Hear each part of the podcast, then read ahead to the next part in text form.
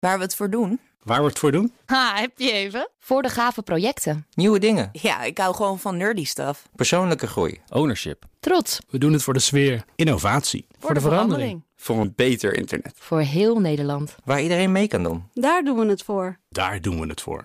Waar doe jij het voor? Kom werken voor KPN en groei op jouw manier. Check de actuele vacatures op het gebied van data, security, development en networking op jobs.kpn.com/tech. Wetenschap vandaag. Deze week staat de wetenschapsrubriek in het teken van eh, de planeet. De planeet Aarde, wel te verstaan. Carlijn Meinders die ging hiervoor op zoek naar interessante onderzoeken... waar de wereld hopelijk weer een beetje gezonder van wordt. Carlijn, goedemiddag. Goedemiddag. Wat heb je vandaag? Ik heb gesproken met onderzoeker Jan Berend Stuut, werkzaam bij het Nederlands Instituut voor Onderzoek ter Zee en de VU.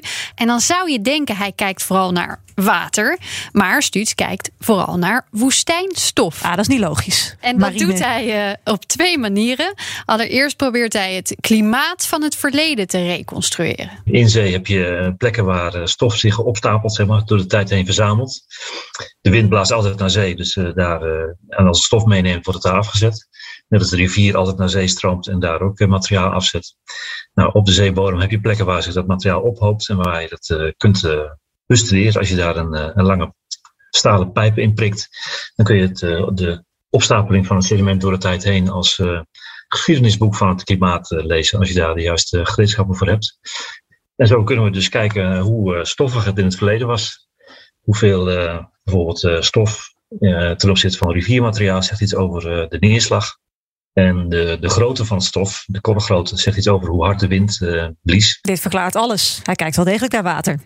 Ja, hij kijkt ook naar water. Precies. Nou, dan kan je dus zien hoe, uh, hoeveel nou het lang geleden heeft geregend of, of gewaaid. Ook, ja, hè? mooi hè? Ja. Uh, maar hij kijkt ook naar het nu, uh, naar de toekomst ook. wat gebeurt er bijvoorbeeld met het leven in zee als dat stof daarin terechtkomt? Lijkt dat er heel veel voedingsstoffen aan dat stof, nutriënten aan het stof zitten.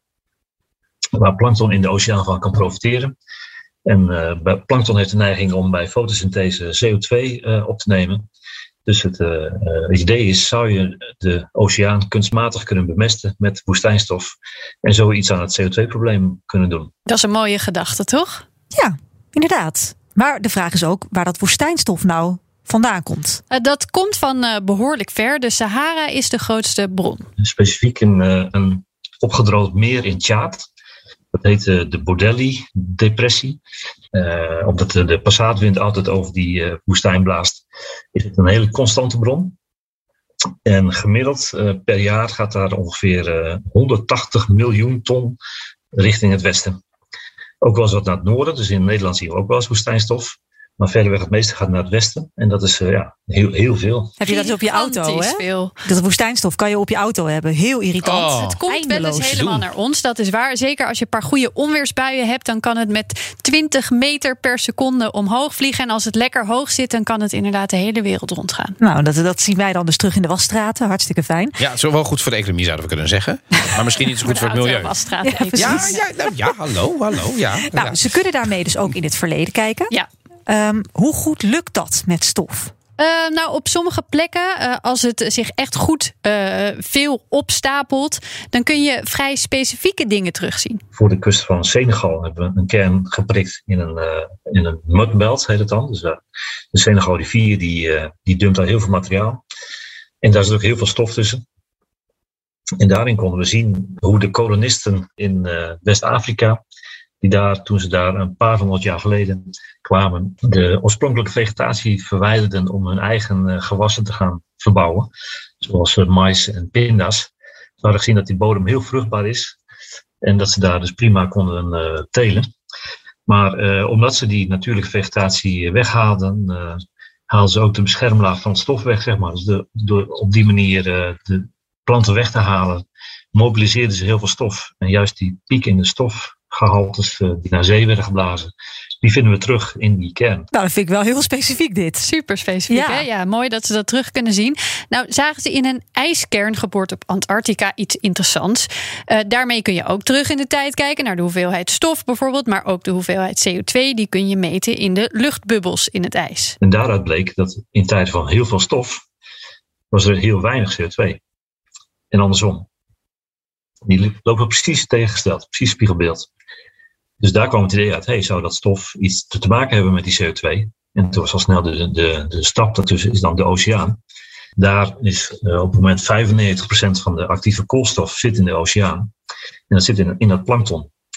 De plankton profiteert van stof, van de nutriënten in het stof. Vooral ijzer is een belangrijke uh, nutriënt. En uh, op die manier heeft zeg maar, dat stof het CO2-gehalte gereguleerd veel stof in de oceaan, kon er veel plankton bloeien en werd er meer CO2 opgenomen. En daar kwam dus dat idee vandaan. Stel, we voeden die oceanen zeg maar een beetje bij met dat woestijnstof. Mm -hmm. Zou dat plankton dan misschien nu ook meer CO2 kunnen opnemen? Ja, maar dat lijkt me dan niet een kwestie van een, een schepje toevoegen. dan, dan moet je echt de spuit erop zetten, denk ik. Nou, wat ze eerst moeten doen, is dat stof nog veel beter onderzoeken. Ze weten de samenstelling wel, maar als je het gewoon in de zee zou gooien, in de oceaan, dan gebeurt er niet zoveel. Dan heeft het plankton te veel moeite om die deeltjes af te breken en de nutriënten eraf te halen. Nou blijkt dat uh, natte depositie, dus als stof die er met regen inspoelt in de oceaan, die heeft wel een heel uh, geschiedenis van chemie achter zich, waardoor dat huidje al een beetje volgeweekt is, zeg maar. En dat het plankton daar uh, makkelijker van kan profiteren. En dat soort dingen wil je eerst weten. Hoe neemt dat plankton het nou precies tot zich? Mm -hmm. Daarna moet je ook nog kijken hoeveel moeten we er dan precies bij gooien. En heeft dat niet ook nadelige gevolgen voor al die hele specifieke ecosystemen daar? Uh, voordat we het dan echt voor het echi gaan doen. en daar wordt nu hard aan gewerkt. Net als aan de juiste instrumenten om dit allemaal te kunnen onderzoeken. Dat blijft een uitdaging bij het nemen van samples onder water. Maar ze zijn iets heel moois op het spoor, denk ik. En we gaan hier heel snel nog een keer op terugkomen. Weer wat geleerd over de aarde vandaag. En morgen nog eens uh, wat meer, hè? Zeker. Tot morgen. Ook Hugo Reitsma vind je in de BNR-app. Superhandig die BNR-app. Je kunt alle programma's live luisteren, breaking nieuwsmeldingen. Je blijft op de hoogte van het laatste zakelijke nieuws. En je vindt er alle BNR-podcasts, waaronder natuurlijk de belangrijkste, Boeken zijn in de wijk. Download nu de gratis BNR-app en blijf scherp.